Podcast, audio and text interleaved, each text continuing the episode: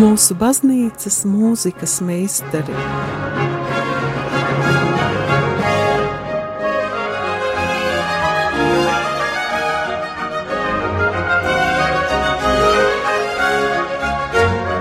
Studijā Dace Dreimane.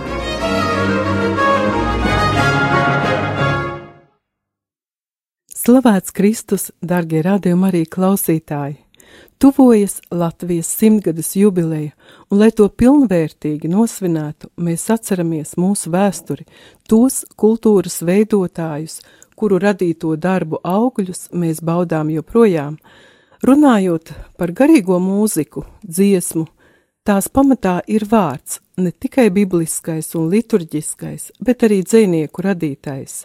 Šodien runāsim par reliģiskajiem motīviem latviešu klasiskajā dzējā, un dzirdēsim arī to, kā šī dzēja ir iedvesmojusi komponistus, gan klasiķus, gan arī mūsu laika biedrus.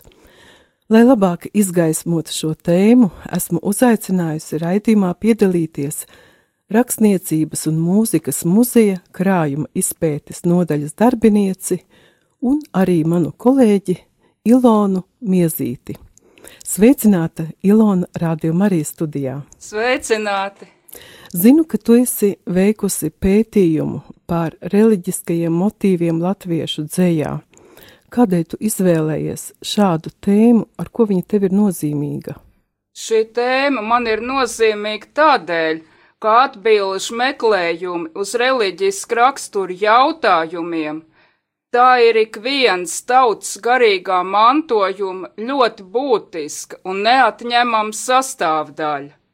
Latviešu rakstniecībā, un jo sevišķi dzējā, ir pat pārsteidzoši daudz reliģisku motīvu, kas apliecina šīs tematikas īpašo nozīmību literārajā kopainā. Reliģisko motīvu pētniecībai dzējā ir divējāda nozīmība No reliģijas pētniecības viedokļa dzējas analīze atsedz garīgo meklējumu daudzveidību, eh, parāda reliģijas iesaistītību vispārējā kultūras kontekstā un saikni ar citām gara dzīves jomām, savukārt no rakstniecības vēstures viedokļa.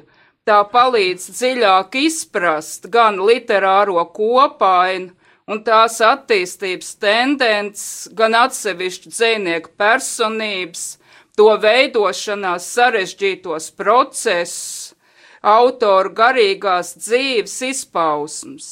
Bez izpratnes par reliģijas nozīmīgo ietekmu uz dzīvnieku personībām un literārajiem procesiem nav iespējams dziļāks mūsu dzīves mantojuma attīstības redzējums.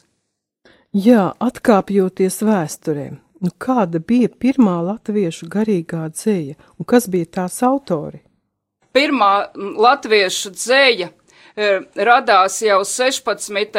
gadsimtā. Protams, e, tie bija garīgo dziesmu tekstu neveikli tulkojumi, e, kurus radījuši Nikolais Rāms, Johans Seks, Georgs Mancelis, jau 17. gadsimtā, un eh, tie tika veidoti toniskajā pantmērā, eh, kas latviešu valodai ir pilnīgi nepiemērots, un tādēļ vizitētāji liecina, ka baznīcēni dievkalpojumos nevis dziedājuši, bet rūkuši un kaukuši, jo šos tekstus ar melodiju kopā vienkārši nav bijis iespējams izdziedāt aina mainās, eh, kad eh, jaunais mācītājs Henriks Adolfis, kurš vēlāk kļuvis par eh, superintendentu, grib iemācīties latviešu valodu,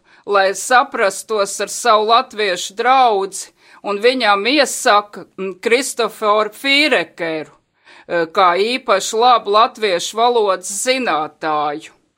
Eh, daudziem ir priekšstats, ka Fīrekers arī bijis mācītājs, tomēr tas tā nav. Viņš ir mācītāja dēls, un viņam paredzēja spožu nākotni kā garīdzniekam, taču īsti nezinām iemeslu dēļ viņš studijas Tērbats universitātē nebeidz un par mācītāju nekļūst, pavadījis savu mūžu pārsvarā kā mājaskolotājs. Un viens no iemesliem varētu būt viņa laulības ar latvieti, kas tajā laikā vācu sabiedrībā šķita pilnīgi nepieņemami. Un iespējams, ka šo laulību dēļ viņš arī ticis izstumts no vācu sabiedrības. Tomēr Ne visi tā domāja, un ar Adolfiju viņam izveidojas sirsnīga draudzība, un jaunais mācītājs uzaicina Fīrekeru pārtulkot uh, garīgo dziesmu tekstus, uh, lai draudz tos varētu izdziedāt, jo tā kā viņš ir precējies ar latvietu, tad brīvu pārvalda latviešu valodu. Un Fīrekeram tas izdevies tik labi, ka visi bijuši sajūsmā un draudz ātri vien sākus skaisti dziedāt. Ja mūsdienās daudz Fīrekera tekstu liekas formas ziņā vairāk kā dīvaina, tad tas ir tādēļ, ka pati latviešu valoda pa šiem gadsimtiem ir stipri izmainījusies. Eh, bet tā laika latviešiem tā patiešām bija tā valoda, kādu viņi reāli runāja, protams, dobels apkaimē. Un eh, tādēļ arī tieši uz šīs dobeles apkaimes izloksnes pamat veidojās vēlākā latviešu literārā valoda. Jā, kā jau tu minēji, viņa korāļu tulkojumi tiek izmantoti joprojām. Viņa arī ir joprojām sastopama Lutāņu dziesmu grāmatā. Kā tas skan mūsdienu mūzikā, mēs to varam dzirdēt Kanādas latviešu komponista Jura Ķeniņa komponētajā Misa Brevis Latvienesis, kurā latīņu misas teksti savīti ar Mārtiņa Lutera melodijām un tekstiem Kristofa Fīrekera tulkojumā mēs klausīsimies pirmo daļu Kirija, kurā izmantots korālis Es dziļās bēdās nosaucos. Dzied valsts akadēmiskais koris Latvija Māra Sirmā vadībā.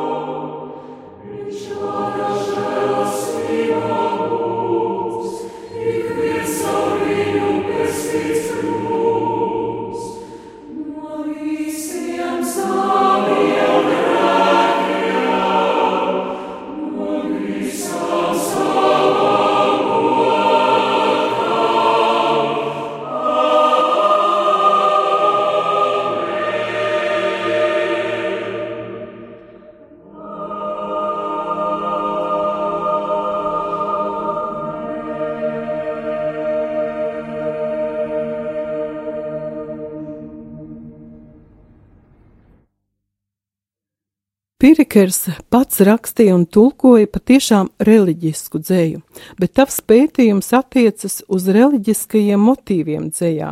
Kas ir šie motīvi? Jēdzieni reliģija un reliģisks tradicionāli lietoti divējādās nozīmēs. E, plašākā izpratnē reliģija ir cilvēka attieksme pret pārlaicīgo, atzīstot šī pārlaicīgā, tātad nemateriālā esamību. Un šaurākā nozīmē tā ir piederība noteiktai mācībai un kultam. Un uh, Es saprotu šeit jēdzienu reliģisks plašākā nozīmē. Un um, reliģiski motīvi saredzēti tad, ja dzēnieks tā vai citādi ir parādījis savu attieksmi pret pārlaicīgo vai arī pret uh, piederību noteiktai mācībai. Un jāsaka, ka latviešu kultūras kontekstā nevienmēr tā ir tīra kristietība šeit ir ļoti dažādas ietekmes bijušas. Individuālā dzēja zināmā mērā ir jānorobežo no garīgās dziesmas, eh, par kuru bija runa Fīrekera gadījumā. Garīgā dziesma, kā to Mācītājs un literatūra pētnieks Alberts Vītols jau 20. gados ir norādījis domāt tomēr vispirms dievkalpojumu vajadzībām un pauž vairāk nevis autoru individuālo, bet vēlamo draudzes kolektīvo izjūtu un saistīt ar noteiktu melodiju un pantmēru. Un uh, tai ir jābūt svinīgai, jāpauž pastāvošās baznīcas mācības, un nu, individuāls cejols tomēr vairāk izsaka paša autora iekšējos meklējums, arī šaubas, protests un vājuma brīžs, un nevienmēr tas saskana ar baznīcas mācību un biež, biežāk pat tas nesaskan ar baznīcas mācību, jāsaka tā. E, un Tādēļ šis meklējošais gars ir ietvēries e, citās veidos un formās, un šī robeža starp garīgo dziesmu un individuālo dzēju, protams, nav stingri novelkām ar kādu noteiktu līniju, bet tā ir iezīmējama. Un Tātad 18. gadsimtā uh, Georgs Friedrichs Stenders un arī vairāk citi uh, Baltvācu mācītāji rakstīja gan garīgās dziesmas, gan arī uh, reliģisks satura dzējoļus brīvākās mm, veidos eh, tieši eh, to mīļo latviešu garīgai pamācīšanai. Un eh, tajos laikos tas, protams, bija liels solis uz priekšu, bet tur neizpaudās tik daudz viņu pašu pārdzīvojumu, viņu kā cilvēku iekšējā dzīve. Un Es domāju, ka 19. gadsimts, kad latvieši paši ienāk literatūrā, ir iezīmīgs tieši ar to, eh, ka mm, viņi izpauž savus personiskos eh, pārdzīvojumus, eh, savus iekšējos procesus, kā nu viņi to toreiz ir mācējuši.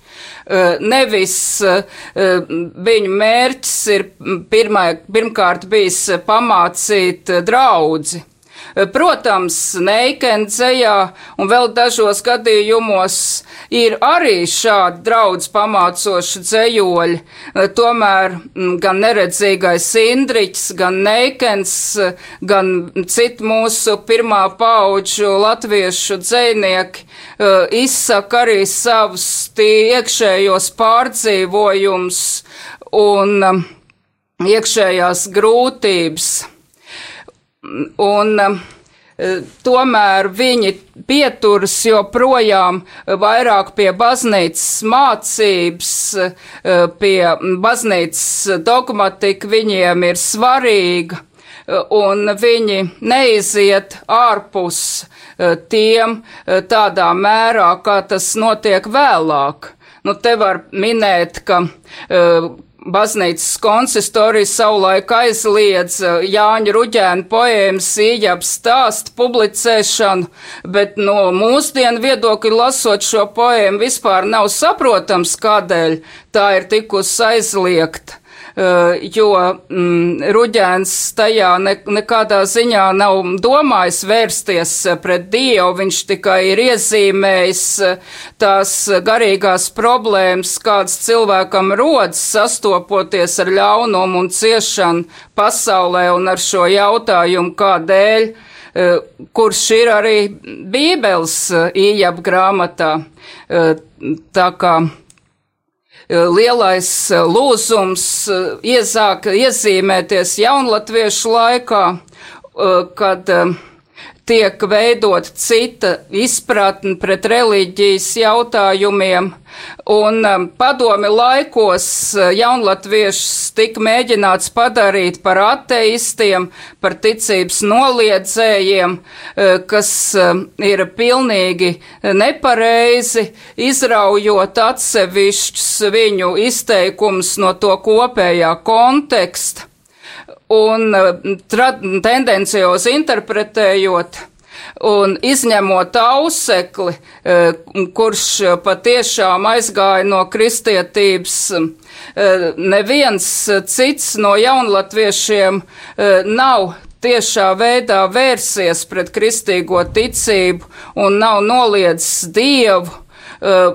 bet viņi iezīmē citādi izpratni attiecībā Eh, pret baznīcas mācību, kāda tolaik tā bija tradicionāli pieņemta.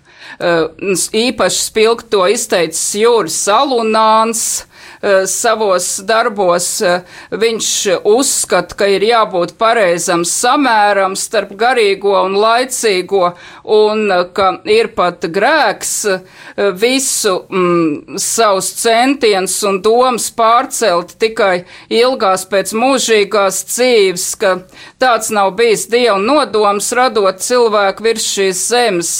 Dievs ir vēlējies, lai cilvēks pievēršas arī laicīgajai dzīvei un to attīsta, un patiesa dievbijība tādēļ ir savienot arī ar uh, pasaulīgo gudrību. Un uh, Tā cilvēkam ir jātiec pēc izglītības, turības un citām lietām arī pasaulīgajā dzīvē vienlaiks nenoliedzot garīgās vērtības. Un savā dzējā Jūras Salunāns to ir izsacījis vārdos neviens svēts nevar debesīs kļūt, tam bija virs zemes pirms ganītam būt. Jā, paldies. Kāda tavuprāt bija Aspazijas reliģiskā pārliecība? Vispirms būtu daži vārdi jāsaka par tām lielajām pārmaiņām, kas notiek 19. gadsimta 90. gados kad eh, strauji ienāk eh, gan literārajā vidē, gan sabiedrībā atsacīšanās no tradicionālās ticības izpratnes un Latvijas teritorijā izplatās gan tieši antireliģiski, gan liberāli teoloģiski strāvojumi, gan citu reliģiju un dažādi filozofijas virzieni ietekmētas idejas, kas daļu latviešu dzēnieku pamudina novērsties no ticības, un neizbēgam atstāja iespaidu arī uz tiem dzēniekiem, kuru pasaules uzskats joprojām sakņojas ticības vērtībās. Un pamatnostādne, kas atšķir šī laikmeta ceļu no agrākās, balstīta atziņā. Cilvēks attiecībās ar Dievu ir brīvs, Viņš ir tiesīgs brīvi uzdot jautājumus par savu esamību visumā, par Dievu likto pasaules kārtību, tās jēgu un mērķi. Un ja Neikens vēl sacīja, nedomā un nejautā, kādēļ tas viss un kāpēc tā, eh, tad um, šis jaunais cilvēks jautā, var protestēt pret Dievu, apšaubīt vai noliegt viņa taisnīgumu, gudrību un arī viņa eksistenci un baznīcas dogmatika parasti nav saistoša. un raksturīgs spriedzi starp sirds ticību un modernās zinātnes atziņām, kas liecina par materiālistiskā pasaules uzskatu iespaidu. Un dzējā atainojas šie daudzveidīgie garīgie meklējumi. Un arī Aspāzijas uh, dzēja uh, reliģisko motīvu aspektā tikpat kā līdz šim nav tikusi pētīta, un Aspāzijas attiecības ar reliģiju mūža gaitā ir bijušas sarežģītas un mainīgas. Un tajā mm, ir saskatām virzība it kā par spirāli e, no bērnu dienās ieaudzinātās kristīgās ticības līdz pakāpeniskai tās zaudēšanai, un pēc tam tikpat pakāpeniskiem meklējumiem atgriezties pie šīs zaudētās ticības, sākumā pa dažādiem sānu ceļiem un mūža pašā nogalē, arī tomēr pie kristietības. Un um, šis ceļš viņai nav bijis viegls un vienkāršs. Bērnībā viņa jutusies uh, kā dieva audzēknītis, kuram viņš aplicis spožu roku Um, vēlāk jaunībā pat ticība saglabājas, taču ienāk protests pret Dievu, pret viņu likto pasaules kārtību. Uh, un cilvēkam nav līdz galam atbildams jautājums par ļaunumu un ciešanu, pastāvēšanas jēgu un mērķi. Uh, un arī Aspāzijas šis jautājums jaunībā ir ļoti nodarbinājis un satraucis. Ehm, un viņa izsauc, kas tu liels un viss spēcīgs, vai šo maldu tevim skatīt? Tavs tēva acis ļauj, tēvs vai tikai tiesāts sodīt, rokā mums viss spēcība, mīlestībā žēlot, piedot vai nav īstā dievība. Un um, tomēr pat ticība kā tāda ir saglabājusies Tad Aspāzija sastopas ar Raini. Arī Rainis ir cilvēks ar ļoti sarežģītu garīgo pasauli un garīgo ceļu, un par viņam uzskatiem mūžu pēdējos gados ir dažādi viedokļi pētnieku vidū, bet jaunībā, kad viņš sastops ar Aspāziju, un kad um, uzplaukst viņu mīlestība, tai laikā Rains patiešām ir materiālists un ateists un krasi noliedzoši noskaņots pret reliģiju, un kā vēlāk Aspāzija kādā no saviem dzējoļiem saka, ka ir sastapušās divas šķirtas pasaules - salds, noliedzošs un nelokāms nē, un ticības pilna dvēseli un Rains cenšas saspāzīt pārliecināt, eh, ka viņai ir jāatmet reliģiskā ticība, jo tā pazemo jauno laikmetu cilvēku, un tās ir palieks, kas viņā saglabājušās no bērnības audzināšanas. Savukārt Aspāzija cenšas Rainu pārliecināt, eh, lai viņš atsāk lūgt Dievu un pieņem viņa esamību. Un um, šīs diskusijas atspoguļojas viņu vēstulēs 19. gadsimta pašās nogalē, kad Rainis ir cietumā, paņevēžā. Un pamazām Rainis šajā uzskatu cīņā gūst virsroku. Un Aspāzija aiziet no ticības, bet tas, protams, ir ilgāks process, kurš daļēji atspoguļojas arī viņas dzējā. Un um, Rainim, protams, ir taisnība tādā ziņā, ka viņš saka, uh, sociālismu idejas nav savienojams ar uh, reliģisko ticību. Un Aspāzija sākotnēji cenšas šīs lietas savienot.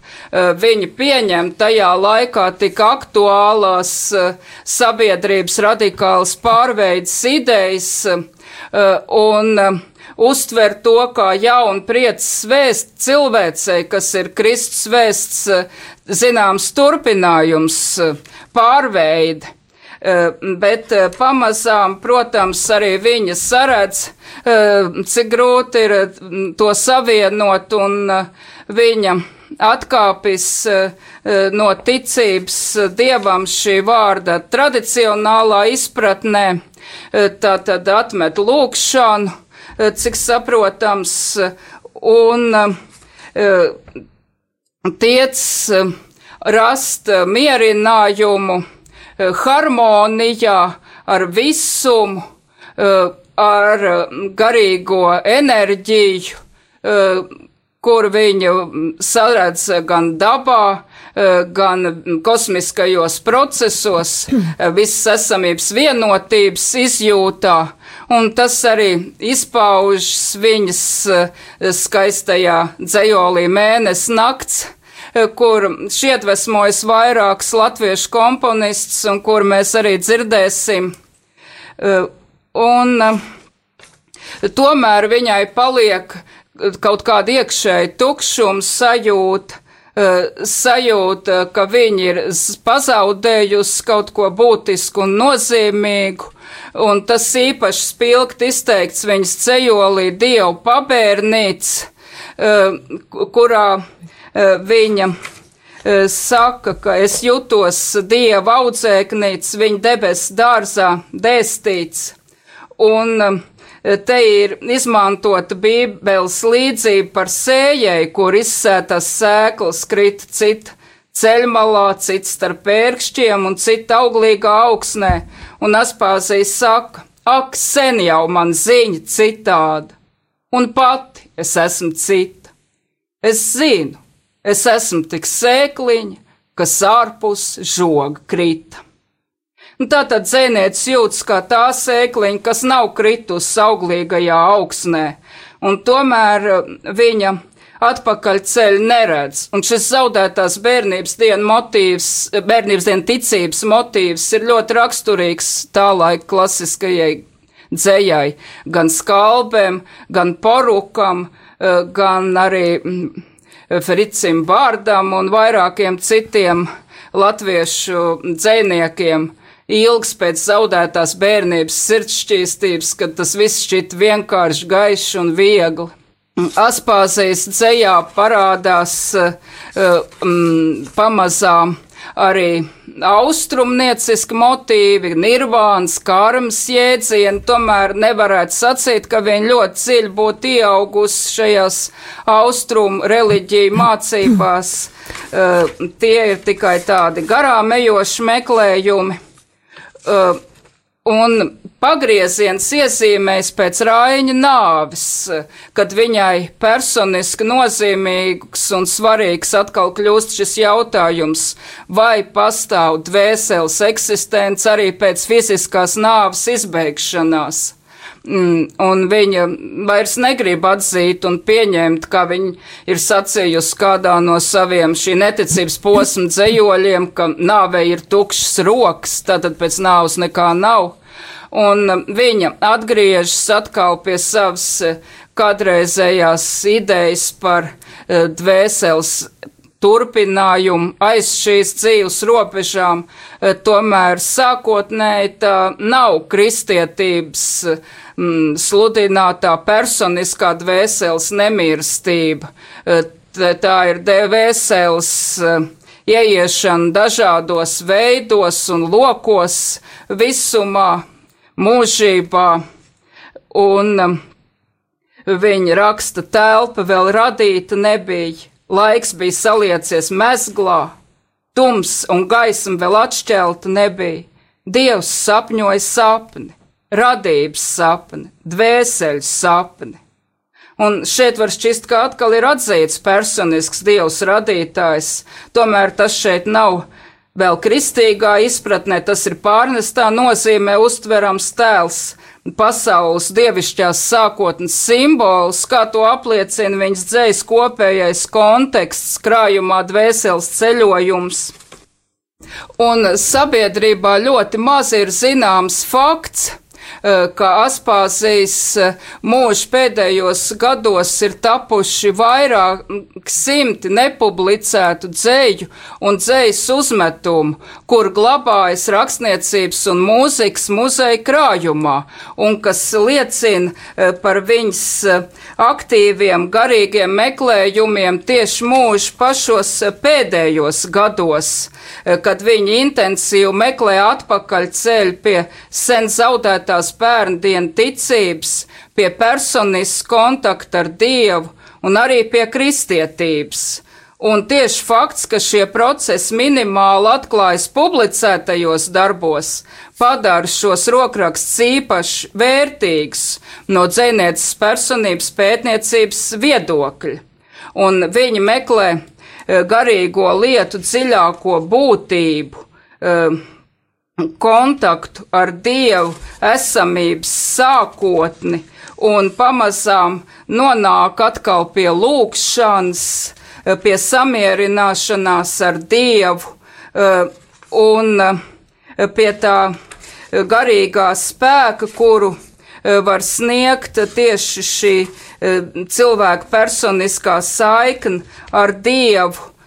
Un uh, Tomēr tā bū, nevar viennozīmīgi pateikt, ka viņa ir atgriezusies pie kristietības, to gan apliecina viņas dzējoļi Magdalēnas zelta mati un vēl daži citi, bet šeit paralēli ir arī ļoti dažādi citi veidi garīgie meklējumi, gan pat dēmoniski motīvi, dažkārt ieskans tā, ka viņa publiski to tā arī nepasaka.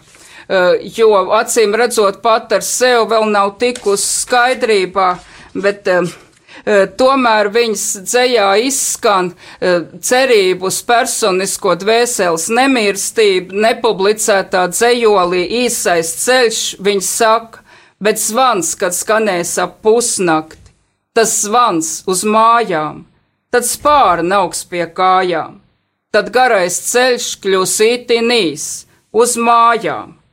Un šie meklējumi nekļūst gatavi un pabeigti, jo pats zvejnieces personība vienmēr ir pretrunīga, pilna nemieru un pārtapšanas salku, un šī personības būtība atspoguļojas arī viņas garīgajā ceļā un dzējā, kas par to liecina.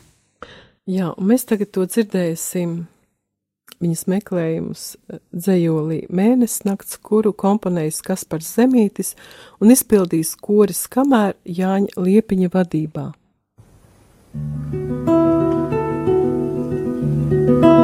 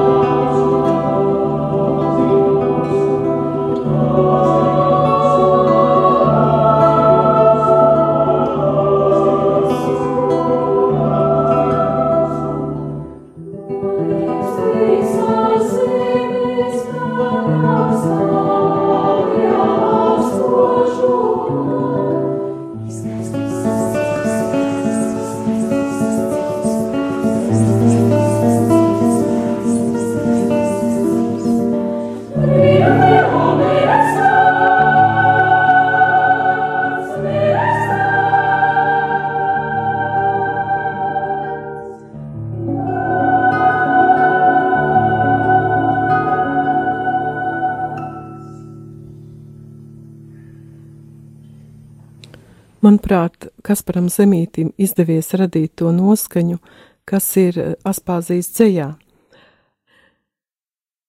Kāda vēl tā laika dzēnieki ir iedvesmojuši komponistus? Reliģisko motīvu aspektā, protams, jāmin Frits Bārda, eh, kur dzēja ir iedvesmojusi vairākus eh, komponistus, un Frits Bārda nekad nav aizrāvies ar to laika populārajām materiālismu tendencēm. Viņš vienmēr uzsvērs tie reliģijas nozīmību un arī Tomēr arī viņu nevar uzskatīt par īsti kristīgu dzēnieku, eh, jo, eh, kā savā rakstā domas par reliģiju, eh, viņš minējis, ka mistisko reliģisko pieredžu līdzības dažādās reliģijās mudina izdarīt secinājumu par visu reliģiju vienlīdzību, un to viņš arī centies iemiesot savā dzējā. Un bārdu dažkārt ticis nepareizi dēvēts par panteistu, jo apdzējojas dievu izpausmas dabā, un tomēr dievs viņa dzējā neapšaubām ir personisks dievs. Un uh, līdz šim literatūras vēsturē nepietiekami ir novērtēta Aleksandra Bloka dzējas ietekmu uz Friča Bārds mm, agrīno daļradi un viņu abu dzējā ir izvērsts e, šis sievišķā pirmsākuma meklējums esamības būtībā. Bārdam tā ir zvaigžņu meita, e, pēc kuras ilgojas zemes dēls, un vēlāk, kad viņš ir jau kopā ar savu dzīves biedru Paulīnu Bārdu, e, tad šī mīlestības saikne ar mūžību Eh, tiek jau konkrētākos tēlos ietvert. Mīlestību un mūžība ir viens un dievība ir viņa mērs, un šī pati doma ietvert arī viņa sirsnīgajā dzējolī krēslā, eh, kurā viņš klāja lūkšanu par savu mīļoto, tātad sasaistot neatraujamā vienībā personiskās jūtas ar um, savu reliģisko pārliecību. Jā, lai skan uh, Leonīda Vīgnera lūkšana, dzējolis, kas saucas krēslā, un to izpildīs Valsts akadēmiskais koris Latvija Māra Sirmā vadībā.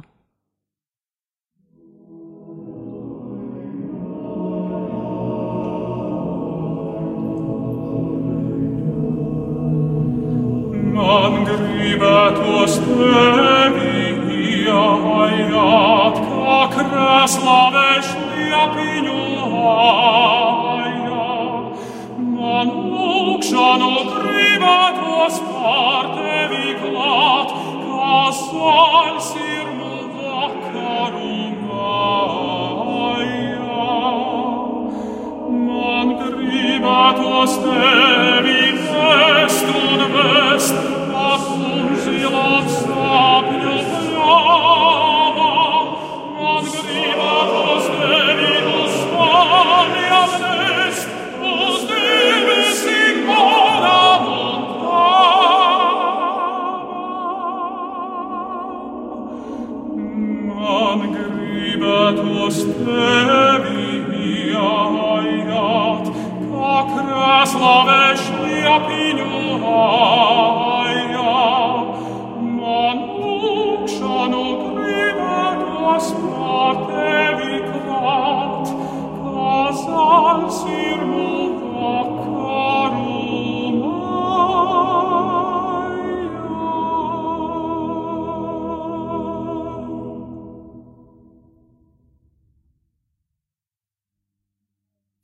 Tas bija Viesturs Jansons un Valsts akadēmiskais koris Latvija Māras Irmā vadībā. Brīnišķīga dziesma. Kād, par kādiem vēl dzinīkiem es varētu runāt, kur iedvesmojuši komponistus? Vēl, protams, jāmin Jānis Poruks, un par Poruku bieži vien ir tāds priekšstats, ka viņš bijis dziļi reliģijos, kristīgs cilvēks, tomēr tas nepavisam nav tik vienkārši, un arī parūka garīgais ceļš ir ļoti sarežģīts, un, kā zināms, viņa vecāki m, ir dedzīgi brāļu draudzes locekļi, un viņš bērnībā bieži vests līdzi uz šīm sajiešanām, un tādēļ viņa agrīnajā dzējā ir sekojot bērnībā ieaudzinātajai brāļu draudzes tradīcijai, pausts radikāls šīs zemes prieku, noliegums un tiekšanās pēc mūžības mērķiem, taču drīz iezīmēs vilšanās agrākajās vērtībās un ticības krīze, aizraušanās ar Nīčs filozofiju, un ir bijuši posmi, kad viņš aizgājis tālu ne tikai no brāļa draudzes, bet arī vispār no kristietības. Tomēr šie bērnības iespaidi atstājuši neizdzēšām ietekmi uz viņu personību, un līdzīgi kā Aspāzija viņš apraud zaudēto bērnības dienas sirdšķīstību, kas zudus baudot pasaules prieks, un viņš atceras savu bērnības dienu nevainībai, māmiņ, cik labi tu, tu man baltu mazgāji un sasaist to ar šo reliģisko ticību, reliģisko skaidrību. Un tiec tā vai citādi uz to atpakaļ eh, un vienlaiks tomēr eh, atziņa, ka viss cilvēks cerības un ideāli beidzas ar pretēju iznākumu, viņā rada protestu pret Dievu likto pa pasaules kārtību, un viņš mūža beigās nonāk strupceļā. Un, kā zināms, viņš beidz savu mūžu psihiatriskajā klīnikā. Tā ka pazīstamie porūku cejoļi par balto sniedziņu uz skojiņām, un ar mātu uz baznīcu nebūtu neizsaka visu viņu personības eh, būtību. Un tomēr tieši šis gaišais bērnības dienu ticības apliecinājums ir tas, eh, kas no porūka visvairāk palicis sabiedrības apziņā. Lai skan Helmers pavasars, ticība. To dziedās Jāzba Mediņa mūzikas vidusskolas jauktais kurs Jāņa Lindenberga vadībā.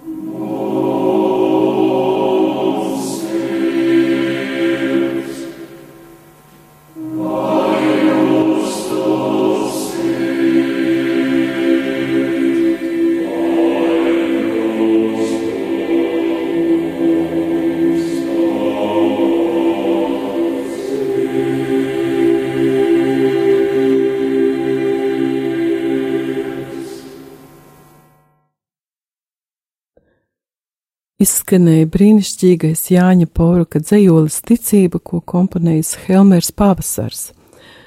Mūsu laiks jau tuvojas noslēgumam. Es domāju, ka mēs vēl varētu parunāt par Kārli Skalbi. Jā, Kārlis Skalbe ir audzis uh, dziļi reliģiozā ģimenē, uh, kur arī ietekmējusi brāļa draudzes atmosfēru un īpaši sāsinātā tieksme pēc sirdsšķīstības, kas iespaidojusi viņu visu mūžu. Jaunībā tomēr viņš visai stipri attālinājies no ticības un bija krasi noraidoši noskaņots pret vācisko baznīcu, bet Pirmā pasaules kara smagajos gados viņš atkal meklē atpakaļ ceļu pie zaudētās bērnības dienu ticības, par kur arī viņš ir dzējojis, un eh, šeit ir ļoti spēcīgi garīgās atgriešanās pārdzīvojumi. Eh, tieši tādi, kādi tie aprakstīti arī brāļu draudzes, jeb hernhūtiešu tradīcijā, grēku nožēls, satricinoša atziņa un tiekšanās uz Dievu piedošanu, uz vienību ar Dievu, uz sirds attīrīšanu. Atšķirībā no iepriekš minētajiem dzēniekiem, skalbe nav filozofs, un viņa ceļa atspoguļo tādu cilvēku garīgo ceļu, kurš netiec pēc, kā viņš saka, gudriem vārdiem, bet pēc bērnišķīgas sirdsšķīstības un garīgas apskaidrotības, kas izpaužas vienotībā ar dzimtenes dabu un dievu liktās pasaules kārtības harmoniskā pieņemšanā. Viņš ne teorētiski, bet caur sāpju pieredzi ir atzīnis, ka cilvēkam vajag ļauties mūžībai kā mātes rokām, ļauties dievu vaļā, e, pieņemt to visu ar pateicību un iekšēju gatavību paklausīt dievu gribai kā tas izteikts vienā no viņa pēdējiem dzējoļiem, kur viņš sarakstījis, būdams jau smags slims un svešumā par katru stundu dievam pateicos. Jā, bet šodien mēs, eh, šodien mēs klausīsimies divas dziesmas, un pirmā būs Kārlis Skalpe, Jānis Norvelis, Lūkšana, Kristīnas Gailītes un Kristīnas Adamaitas izpildījumā.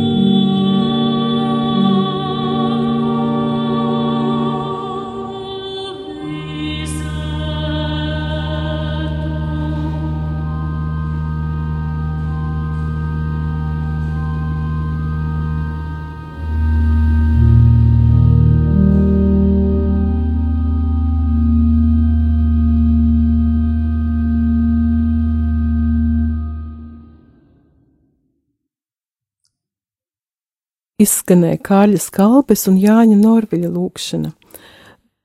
Viss, ko mēs līdz šim dzirdējām, vairāk attiecas uz uh, Lutherisko baznīcu, vai tev ir arī kāda pētījumi pār pārējām konfesijām?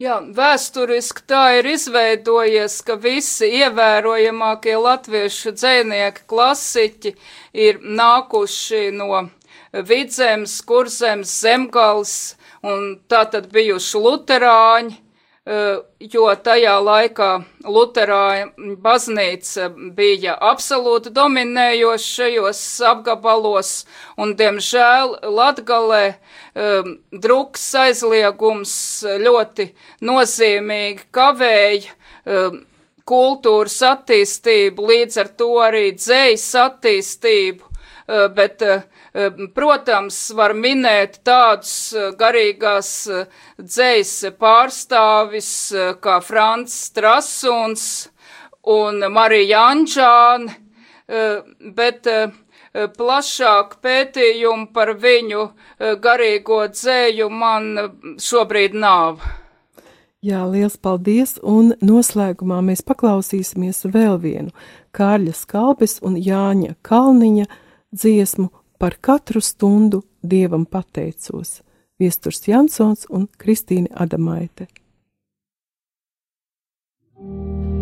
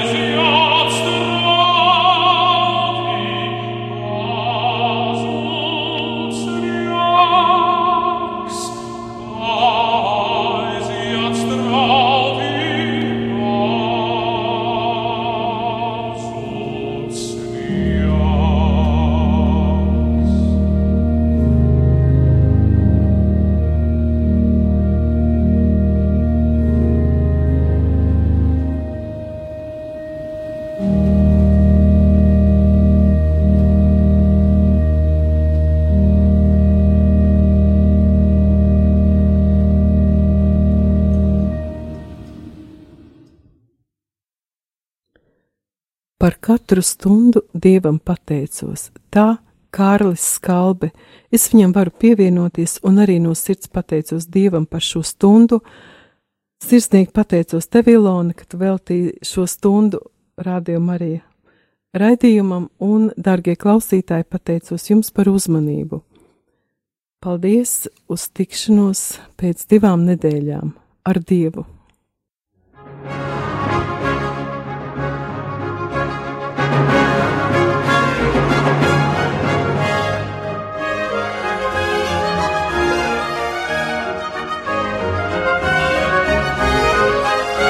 Mūsu baznīcas mūzikas meistari